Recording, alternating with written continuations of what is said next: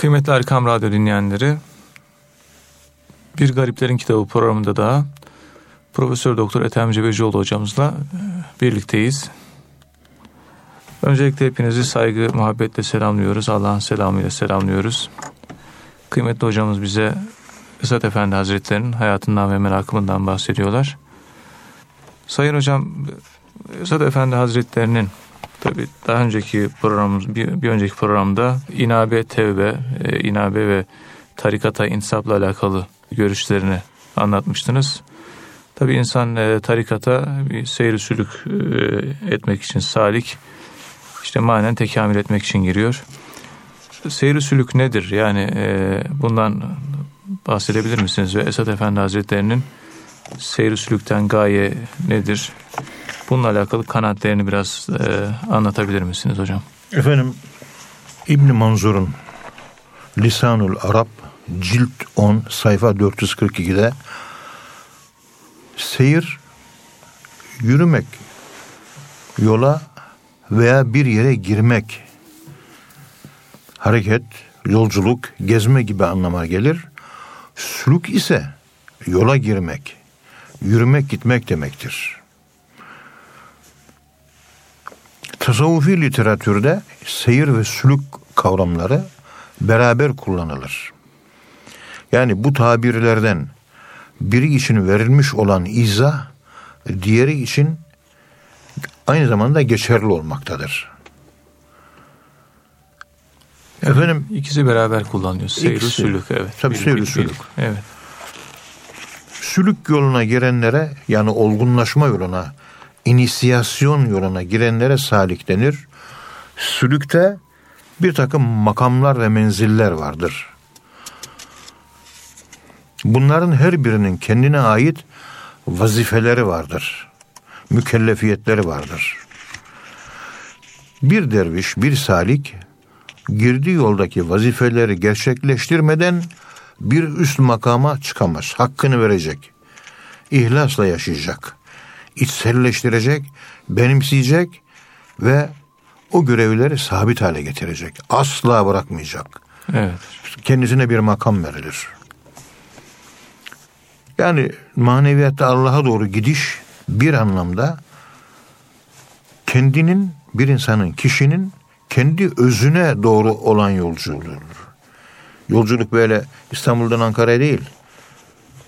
Özümüze, Allah'a doğru yolculuktur. İnsan İçsel bir yolculuk. Kendini tanıma yolculuğu diye. Kendi tanıma yolculuğu. Yani Allah'a ulaşma yolculuğu. Allah'a ulaşma. Özüne yolculuk, metafizik yolculuk. Evet. Bu iç yolculuğu bildiğimiz yolculukların dışında bilinen bir yolculuk değil, çetin bir yolculuktur. Çok zordur, evet. nefis. Kolay değil yani o kadar. Çok zor. Hani Tebük Savaşı'nda Hazreti Resulullah ve raca'na min cihadil asgar ila cihadil ekber yani küçük bir savaştan büyük bir savaşa dönüyor. Döndük diyor. Küçük bir savaştan büyük bir savaşa. Gözle görülen fizik savaş gözle gördüğümüz için yani düşmana göre kendimizi koordinatlarımızı belirleyebiliriz. Savunmamızı, gardımızı alabiliriz.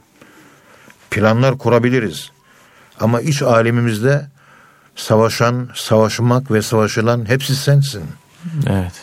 Yani dışarıda bir düşman yok. Yine kendi düşmanını kendi içinde sen kendi bünyende barındırıyorsun. Evet. Ve çok zor bir şey. Yani e, bir sınırlı bir evrende sınırlı savaş olur. İnsanın iç evreni sınırsızdır. O iç evrende sınırsız olduğu için savaş da sınırsız olur. Ve zordur bu savaş. Ve ölene kadar devam eder. Çanakkale Savaşı ne kadar devam etti? Bir buçuk iki sene devam etti. Bitti. Evet. Ama içimizdeki Çanakkale Savaşı 14 yaşında buluğa erdik. 78 yaşında öleceğiz. 78 sene 60 sene böyle devam ediyor. Kesilmiyor ve bitmiyor. Nefis savaşı sürekli savaş. Ölene kadar. Evet harbi istimrari. Cihadı istimrari. Öbürü ise e, cihadımın katı. Yani kesintili. Arada bir 200 senede bir savaş olur. 2 üç gün, beş gün, bir ay, on gün, yüz ve iki, üç sene sürer. Biter ama sonunda. İçerideki savaş asla bitmez.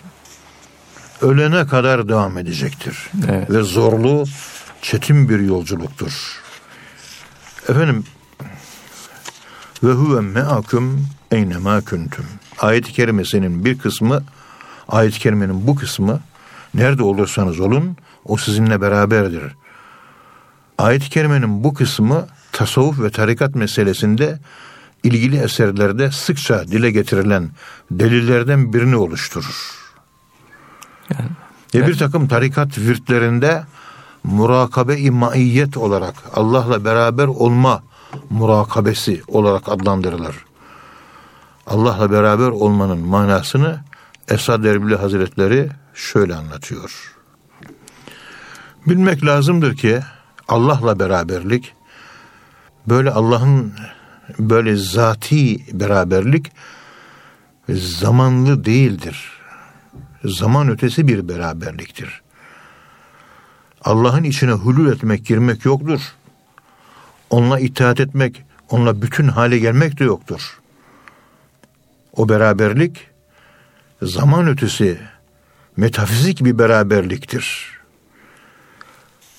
Ancak mecmu mezahirde, bütün şu dış görünen alemlerde bir ışığın, bir şimşeğin ışığı gibi böyle sırf zuhur ve huzur yoluyla olur.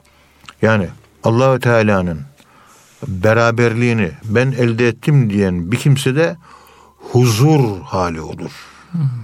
Ve Allah ona lütfuyla zuhur eder. evet. Allah bizim bütün yaptığımız işleri bilir. Yaptığımız işlerin hepsini görür. Allah'ın göğünde ve yerinde her ne mevcut varsa görülen her şey onun mülküdür. Ve onun apacık Allah'ın sahiplik bakımından bütün bu kainatın sahibi Allah'tır. İşte Allah'la beraber nerede olursan ol, nerede olursan ol Allah seninle beraberdir.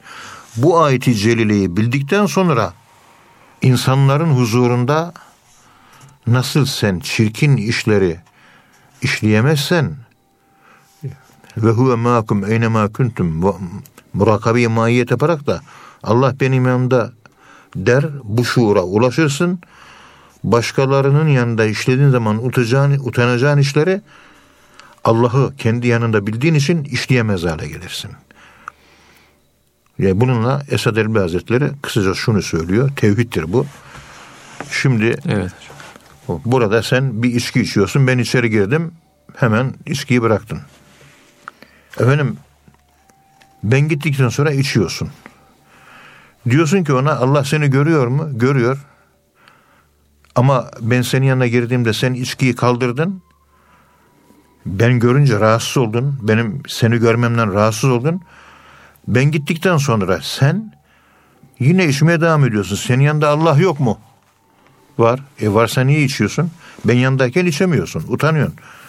Allah şayet yanında olsaydı sen içkiyi içemezdin. Manası buralara kadar giriyor. Allah görüyor. E, eğer Allah benim yanımda diye bir şuurun varsa günah işleyemez hale gelirsin. Allah senin yanında yoksa işleyebilirsin manasına geliyor. Mefhumun muhalifinden hareketle. O zaman her işlediğimiz günah yanımızdan Allah'ı uzaklaştırmayı ifade ediyor. Yanımızda yok anlamına geliyor. Olsaydı işleyemezdik. Dedikodu yapıyorsun.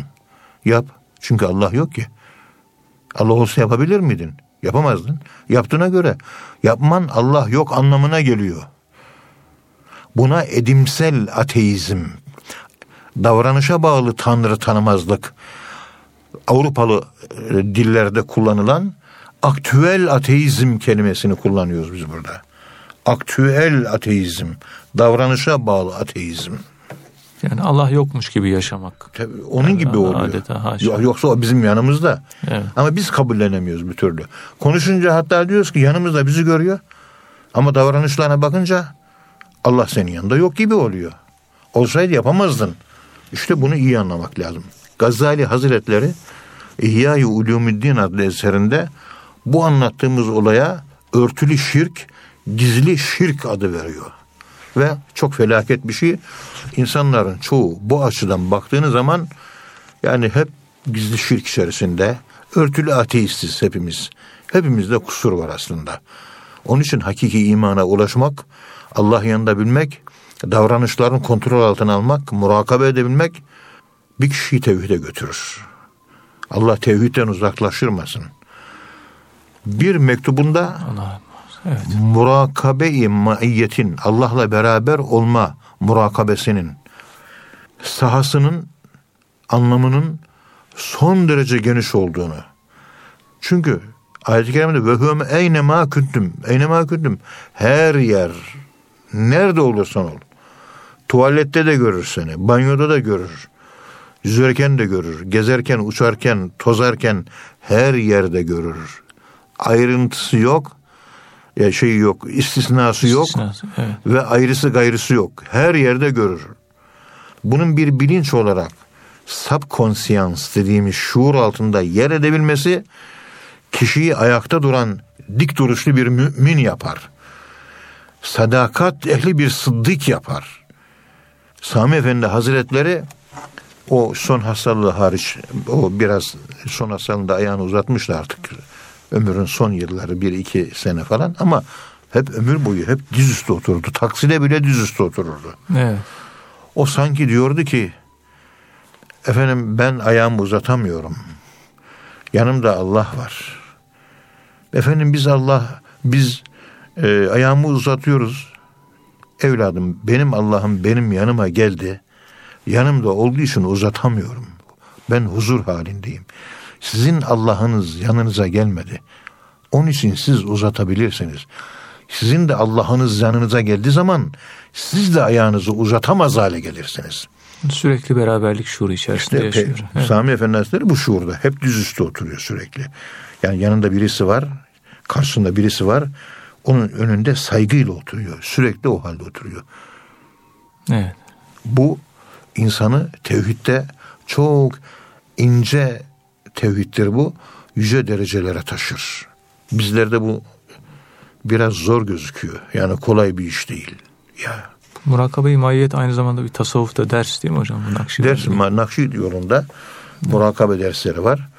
İşte murakabeyi ehadiyetten sonra gelen kul huvallahu ehad murakabesinden sonra gelen Allah'la beraber olma murakabesi. Ondan sonra akrabiyet, ondan sonra muhabbet. Evet. Murakabe muhabbet. Efendim Allahü Teala Hazretleri ve nahnu akrabu ileyhi min hablil verid. Biz insana toplar damarından daha yakınız. Toplar damar.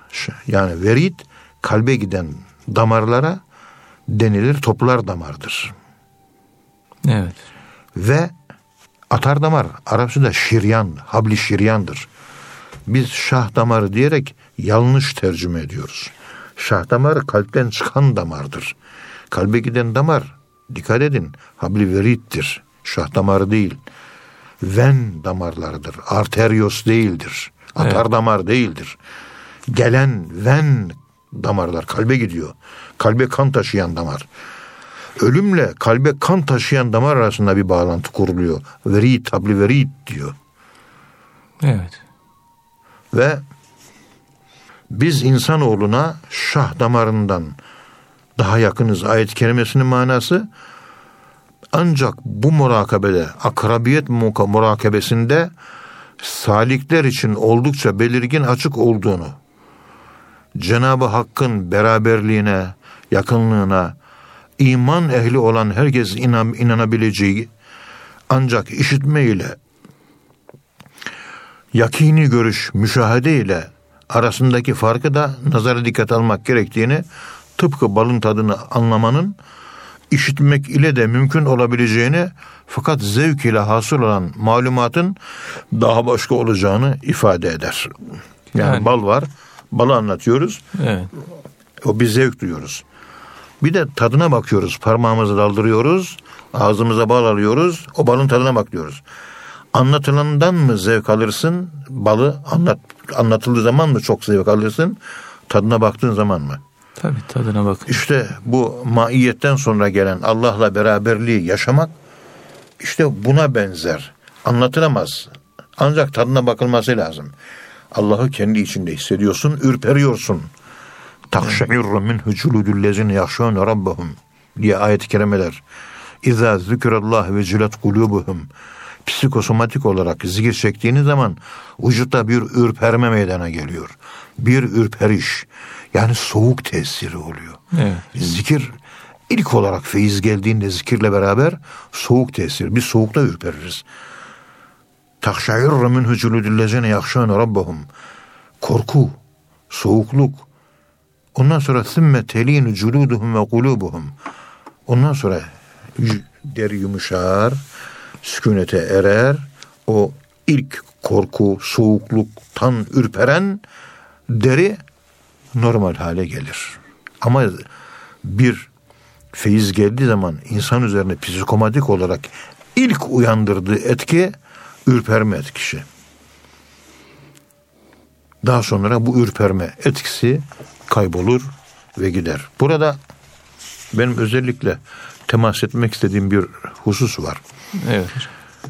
Yani bu- Seyri sülükten gaye Evet muhabbet ve huzur devletine nail olmak. Yani seyri sülüke giren kişinin amacı ne olacak yani? Allah'ı sevmek. Allah muhabbet ve huzur. Bunu Çünkü anlıyoruz. Yani Allah'ı sevmek iman demektir. Evet. Ayet-i kerimede vellezine amenu eşeddu hubbellillah. Yani Allah'a en çok sevenler Allah'a inananlardır diyor. Demek ki sevmek iman, iman sevmek demektir.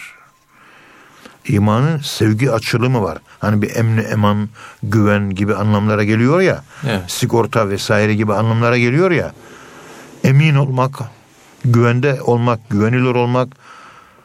Ama işte bir manası da iman kelimesinin Kur'an-ı Kerim'in kendi açılımıyla sevgiyi ifade ediyor. Sevmek. Kişi inandığını sever, sevdiğine de inanır. Kişi sevmediğine inanmaz. Veyahut da kişi inanmadığını da sevmez.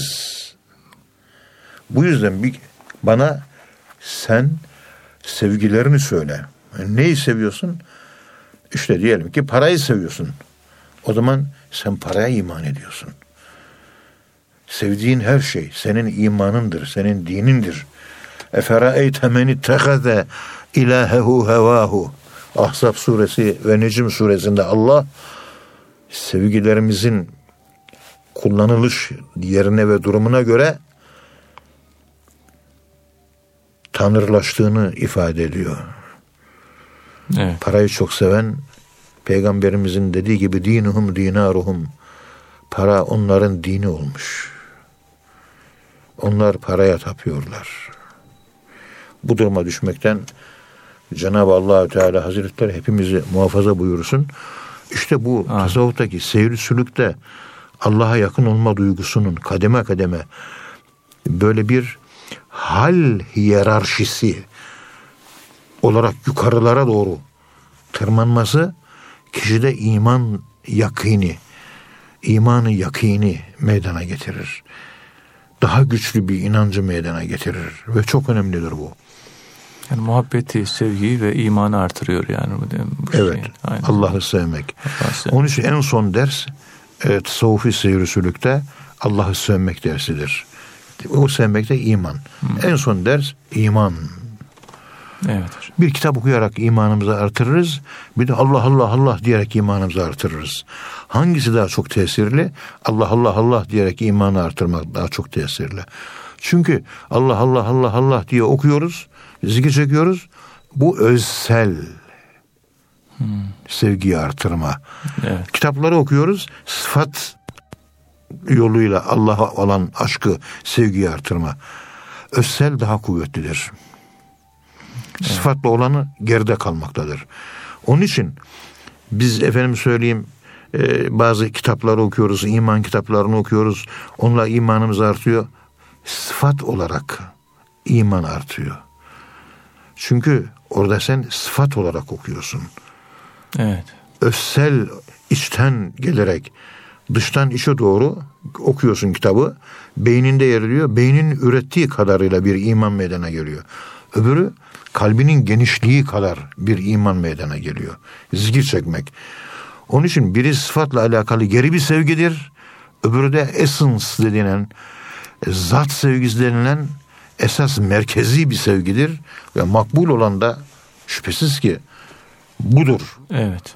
Öze ait sevgi. İşte bu huzur devletine nail olan insanlar bu dereceden daha aşağı derecede olan zikre ihtiyaç hissetmez hale gelir. Çünkü sürekli zikir halindedir. Onun için murakabe döneminde zikirler azalır. Çünkü murakabenin kendisi sürekli zikirdir. Zikir çekene zikir çekin denmez değil mi? Zaten zikir halinde.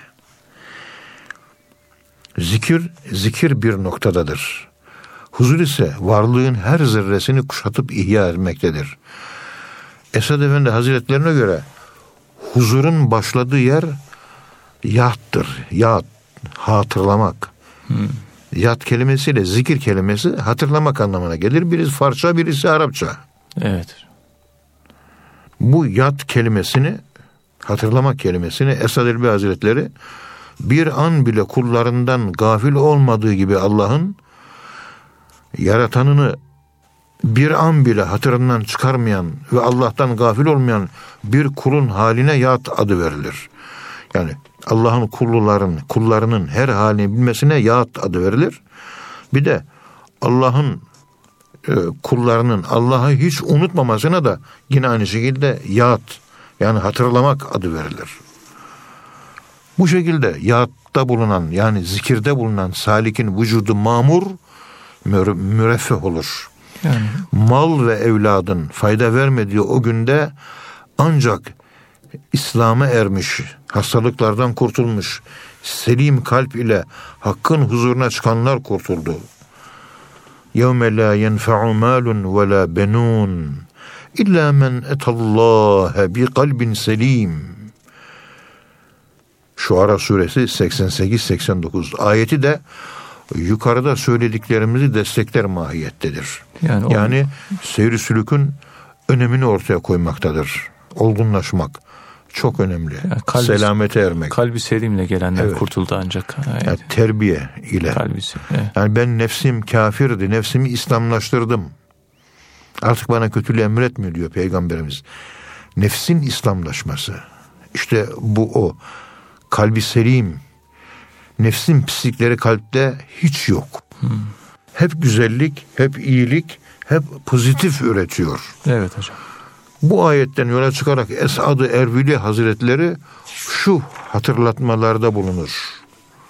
Der ki, akibeti ve sonu her şeyi yok eden kara toprak olan, sonu kara toprak olan ve yokluğun esirlik perdesinde mahvolmak üzere yaratılmış ve iki ayağı üzerinde canlılığa kavuşturulmuş bulunan mahlukatın en hayırlısı olan insan için önem verilmesi gereken, önem vermesi gereken bir husus varsa o da yalnız kalp evinin selameti için lüzumlu olan sebeplere sarılmak ve Cenab-ı Allah'ın rızasını kazanmaya çalışmaktır. Bu dünyaya geldik.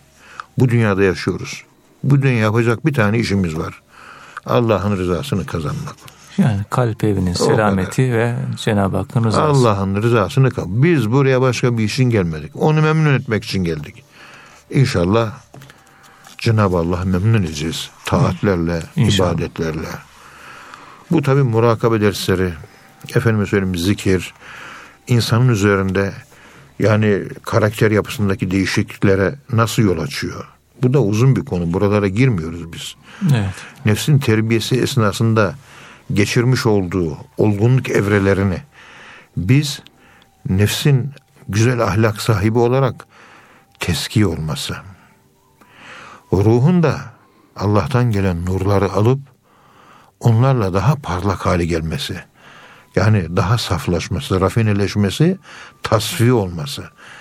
Bütün tarikat ve seyri sürük bu anlattığım konuyla alakalıdır. Başka bir şeyle alakalı değildir. Evet hocam. Allah bizi de nefsini teskiye, kalbini tasfiye eden, arındıran, rafine eden, temizleyen kötü duygulardan, çirkin arzulardan aklımızı Cenab-ı Allah'ın temizlediği o güzel mertebelere ulaştırmayı bizlere nasip eylesin. Çünkü Amin. E, ahirette hesap günü gerçekten çok bir ağır çok ağır hesaplar var. Evet. O ayet-i kerime hep beni yoruyor. Ama işte hadis-i şeriflerde çeşitli şekilde ifade ediliyor. İnne sem'a vel basara muhakkak kulak ve göz vel fuad ve kalp kalp küllü ülaike kâne anhu mes'ula hepsi yaptığından ettiğinden hesaba çekilecekler diyor. Fuat kalbin çokluğa açılan kısmıdır. Tekliğe açılan kısmı noktayı süveydadır. Burada ayet-i kerimede kalbin çokluğa açılan kısmı. Yani dünyaya açılan kısmı. Evet. Nefsin nominal olan tarafıyla temas halinde olan kısmı. İşte o hesap o hesaba çekilecek. Çünkü kirlenen yer kalpte odur. Fuat kısmı. Kalbin üst kısmıdır o. İç kısmı değildir o. Nitekim Narullahil muqadetulleti tettali'u alel ef'ide ayet kerimesini Hak dini Kur'an dili sahibi Elmalılı Hamdi Yazır Hazretleri o ateş ki kalbin üzerine kaplar diyor. Tettali'u alel ef'ide fuatların üstünü kaplar. Ala harfi Çünkü kalbin iç tarafı, alt tarafı noktayı süveydadır. Evet. Bunu anlatıyor Elmalı Hazretleri. Bizim de e, noktayı süveyda yazılarımızda bu konuştuğum hususu sık sık gündeme getiriyoruz ve getiriyorum. Evet dinleyicilerimiz inşallah bu Altınoluk dergisinde çıkan o yazıları e, noktayı süveda ile alakalı yazıları oradan okuyabilirler. Yine e, Kalbet'in bir hatırası var e, dergahta. E, Esad Efendi Hazretleri ile böyle karşı karşıya ruberu durup e, zikre işte iştiraki Esad Efendi Hazretleri'nin teveccühü ile alakalı bir e, hatıratta geçen bir anekdot var. E, bundan e, bahsedebilir misiniz hocam? Efendim burada Allah zikri ruhumuz Allah'tan gelmiştir. Yani bir Hristiyan kafirsiniz değil mi siz mesela? Bir Almansınız, Hristiyansınız. Bir Russunuz, bir Finlandiyalısınız. Ruhunuz nereden geldi sizin? Allah'tan geldi. Tabii tüm ruhlar. Bütün ruhlar Allah'tan geldiği için sahibi Allah'ı inkar etse bile Allah sensitiftir. Allah duyarlıdır. Evet. Allah sezgisi hep bütün insanların içinde var. Allah kelimesi ruh tarafından algılanır. Akıl tarafından algılanmasa da. Kur'an-ı Kerim de aynı şekilde. Bu şekilde mutlaka okuyan insan din, imanlı olsun imansız olsun. Müslüman olsun kafir olsun. Mutlaka içeride bir sezgi halinde evet. hissediş halinde ortaya çıkar. Bundan 20 sene önce Finlandiya'dan Helsinki'den gelmiş bir arkadaşımızın yakını vardı. Akrabası ama Hristiyandı. Ankara'da bir camide buluştuk. Bana İslamiyet hakkında sorular sordu. Baktım akıl tatmini arıyor. Akıl tatmini uzun bir yol. Ben dedim ki bizim bu Kur'an-ı Kerimimiz Allah'tan geldi. Gerçekten Allah'tan geldiyse bu Kur'an-ı Kerim ben burada Kur'an-ı Kerim okuyacağım. Sen Allah'tan geldiyse etkilenirsin. Evet hocam. Okuyacağım. Ama Allah'tan geldiyse etkilen. Gelmediyse etkilenmesin dedim. Bana dedi ki oku bakayım dedi. Böyle bir sayfa kadar bir hüzünlü Kur'an-ı Kerim okudum. Yani duygulu, hisli, derin bir tefekkürle, derin bir murakabe, rabıtayla, çok kuvvetli bir arzu ve iştiyakla Böyle Musa Efendimiz'e rabıtamızı yaptık. Ve bir yokluk alemine gittik. Bir kuantum, belirsizlik, kader, karanlık. Orada biz okumadık. Dedi ki okuyan Allah olsun, dinleyen Allah olsun. Ben okumuyorum. Ben aradan nefsimi kaldırıyorum. Sahibi okusun. Bu niyetle Kur'an-ı Kerim okudum. Evet hocam. Adamcağızın gözleri biraz yaşardı. Hristiyan olmasına rağmen. Bittikten sonra bu okunan Kur'an-ı Kerim'i ruhun hissetti mi diye sordum. Dedi okuduğun bu sözler benim ruhumu rikkate getirdi. Ruhum inceldi. Ve ruhumda bu okuduğun Kur'an-ı Kerim'i buldum dedi. Evet. Dedim ben sana bir saatten beri akıl yönüyle İslam'ı aklını anlatıyordum. Şimdi İslam'ı ben senin ruhuna iletiyorum. Ruhuna, özünü anlatıyorum. İslam hakkında ne dersin dedim. Ben Müslüman olmak istemiyorum ama dedi bu okuduğundan da etkilendim dedi. Bu kitapta bir şey var dedi.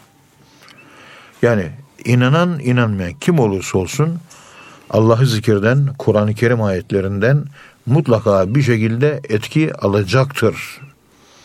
Çünkü evet. her insandaki ruhun sahibi Allah'tır. Kur'an'ın sahibi de Allah olduğuna göre bu Kur'an-ı Kerim bütün ruhları etkileyecektir. Kur'an-ı Kerim mucizevi bir kelam. Tabii. Onu da gösteriyor değil mi hocam? Efendim şimdi siz kötü bir laf konuşuyorsunuz. Kötü bir laf. Vücudun hücre sistemi bozuluyormuş. Ve hüdü ilel kelimi tayyibi ve hüdü ila sıratun müstakim. Yani güzel söz konuşmaya Allah tarafından hidayet olundular. Pozitif güdülendiler. Ayet aynen böyle.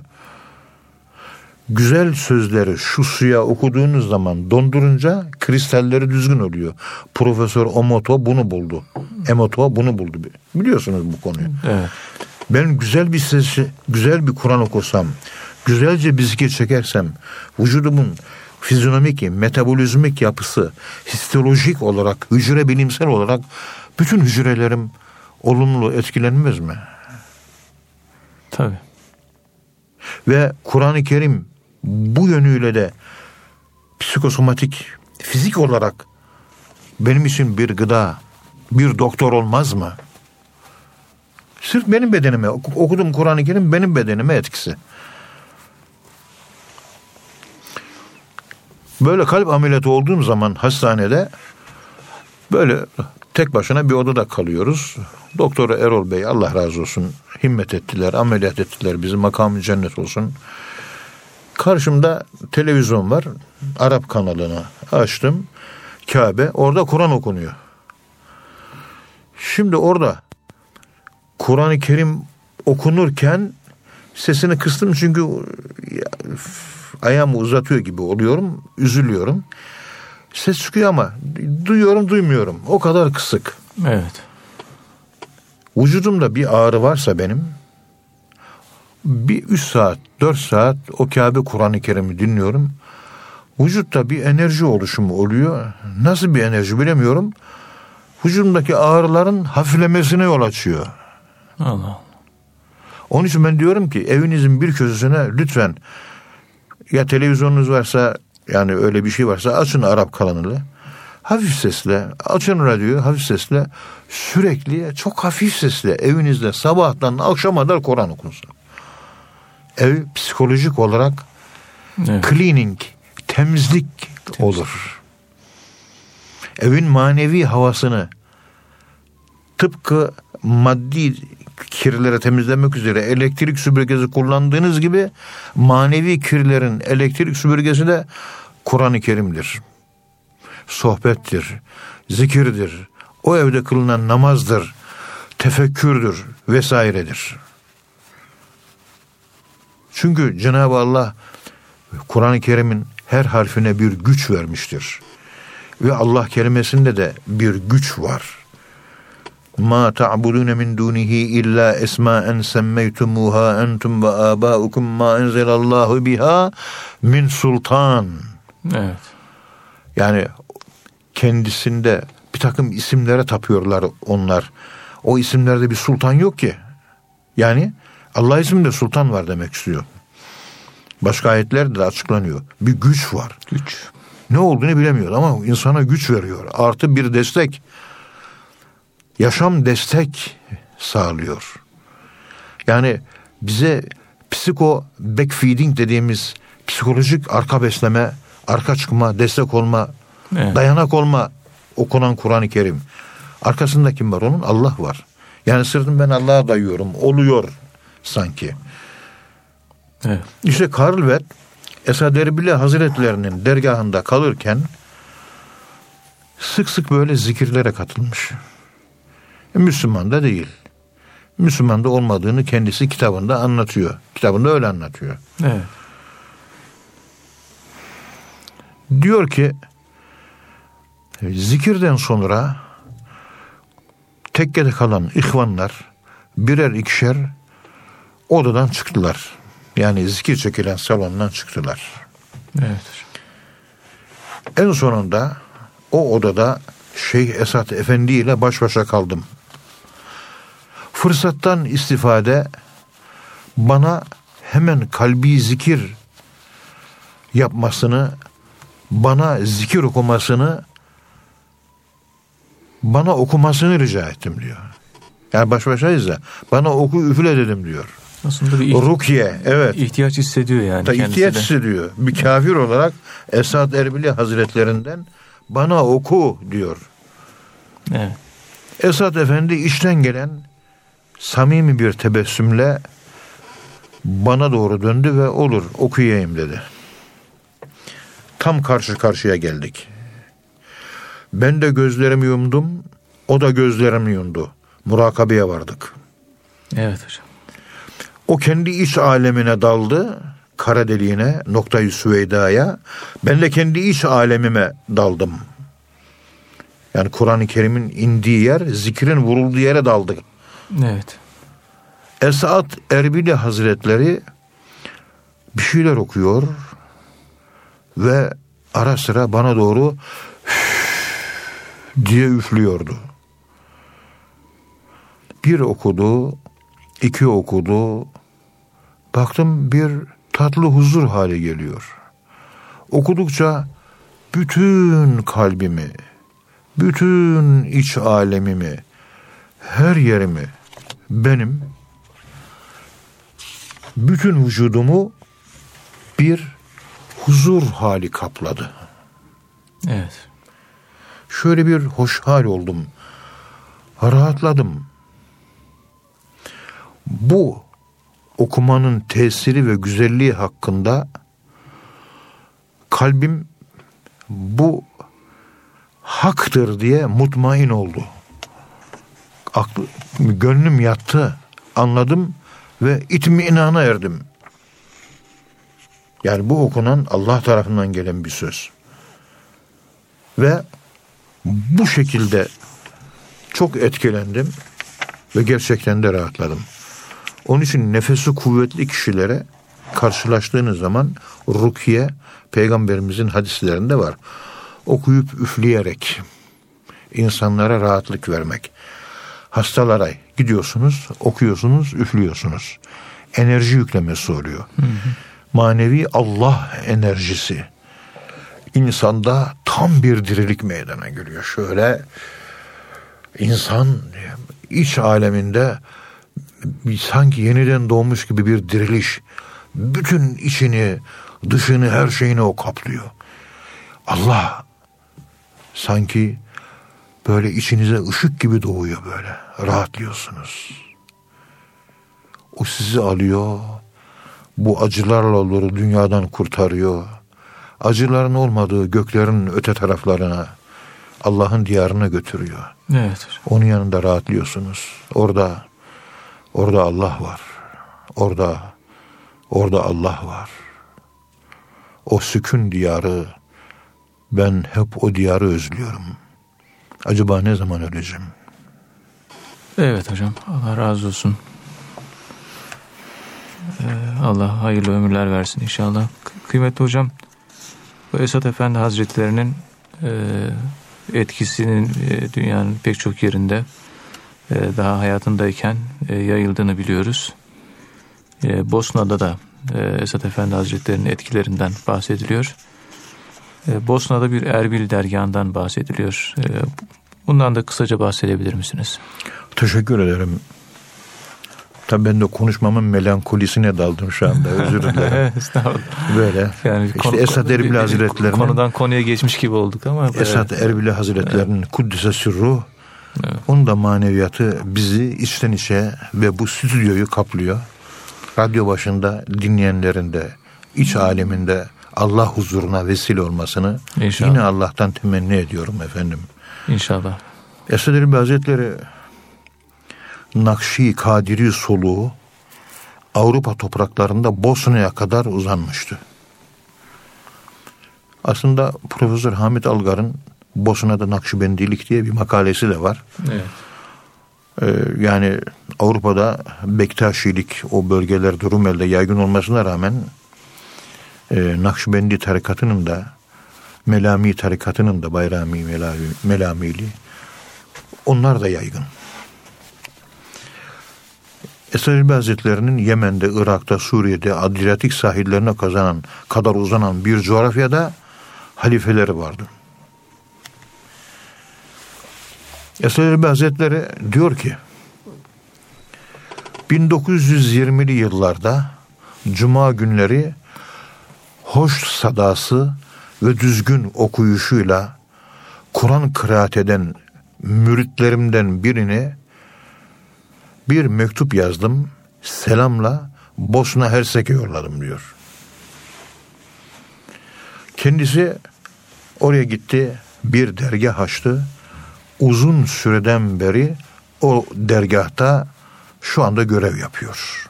Bosna'da. Evet. Şimdi orada tarikatımıza intisaplı Bosna'da ihvanımızın sayısı neredeyse bini aştı. Evet ta o zamanlar. Bini aştı. Birinci Dünya Savaşı'ndan sonra savaş bittikten sonra bu dikkat edin. Balkan bozgunları var. 1911-12 işte 1914-18 Birinci Dünya Savaşı 1920 senesinde binden fazla ihvan var sarayda. Saray e, e, Bosna'da, Bosna'da. Saray Bosna'da. İhvanımızın sayısı neredeyse bini aştı. Hakikaten yani o baş çarşı falan var işte oralarda gezdik dolaştık. Osmanlı'nın izleri orada çok yani orada var yani. Saraybosna'da, Travnik'te, Onnovo Travnik'te oralarda ruhaniyet var gerçekten. Var, evet. Yani gidiyorsunuz insanı da bizim Osmanlı ruhunu taşıyor oranın insanları. İnsan etkileniyor. Yani Ecdadımız çok duygulanıyor. Eser bırakmış yani. Ya. Diyor ki Esad Erbil Hazretleri. Ayrıca Fransa'da Paris yakınlarında pek çok Hristiyanı kendisine çeken bir tarikat var. Zikir çekiyorlar. Etkilenen, içinde duyan geliyor La ilahe illallah Muhammed Resulullah diye Müslüman oluyor. İslam gönülle yayılıyor. İslam hiçbir zaman propaganda yapmaz. Eseri Hazretleri böyle söylüyor. İslam hiçbir zaman propaganda yapmaz. Allah dersin, zikredersin. Karşıdaki gönül evet. etkilenir ve Müslüman olur.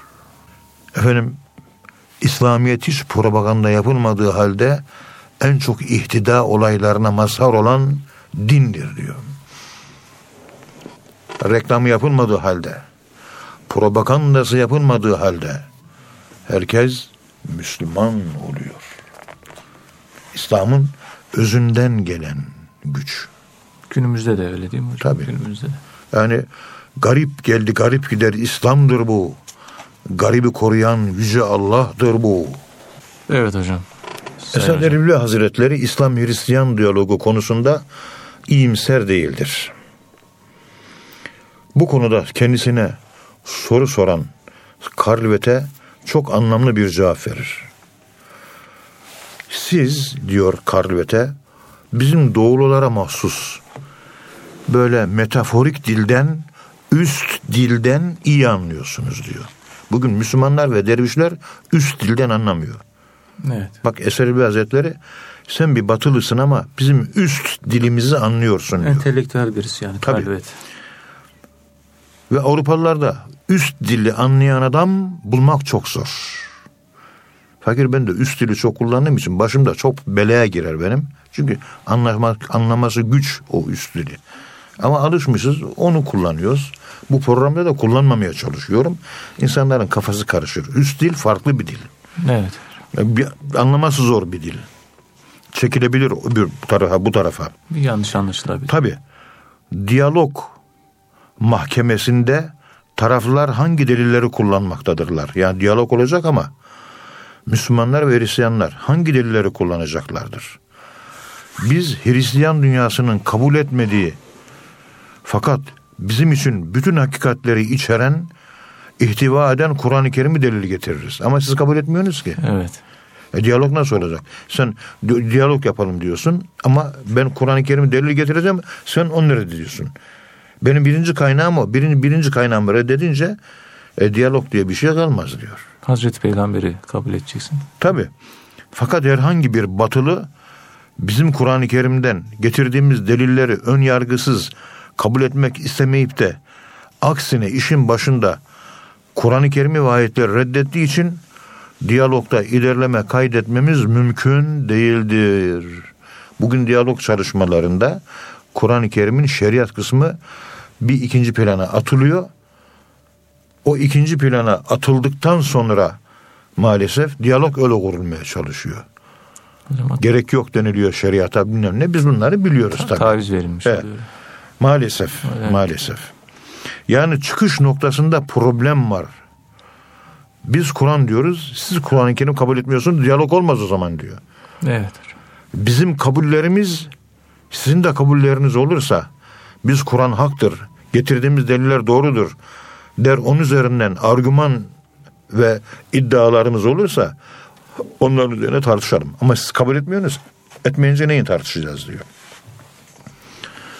Günümüzdeki diyalogun Hristiyanlar tarafından şu anda tebessüm örtülü istihza alay ile mukabele gördüğünü akil ama bali olmayanlar ne zaman fark edecek acaba?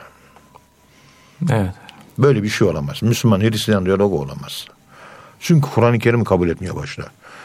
Ve onların kitapları da asla sahih değil. Hakiki İncil yok. Yok. İslam tarihi hep rahmetle dolu. Hristiyanlarınki nikmetle dolu. Rahmet nikmetle asla kardeş olamaz. Anlayana bu misal hikmetle dolu. Bismillahi. Hocam teşekkür ediyoruz. Allah razı olsun. Ağzınıza sağlık. Ee, Kıymetli Erkam Radyo dinleyenleri. Bir Gariplerin Kitabı programında sonuna geldik. Bir sonraki programda tekrar buluşmak ümidiyle efendim. Hepinizi Allah'a emanet ediyoruz. Hoşçakalın efendim.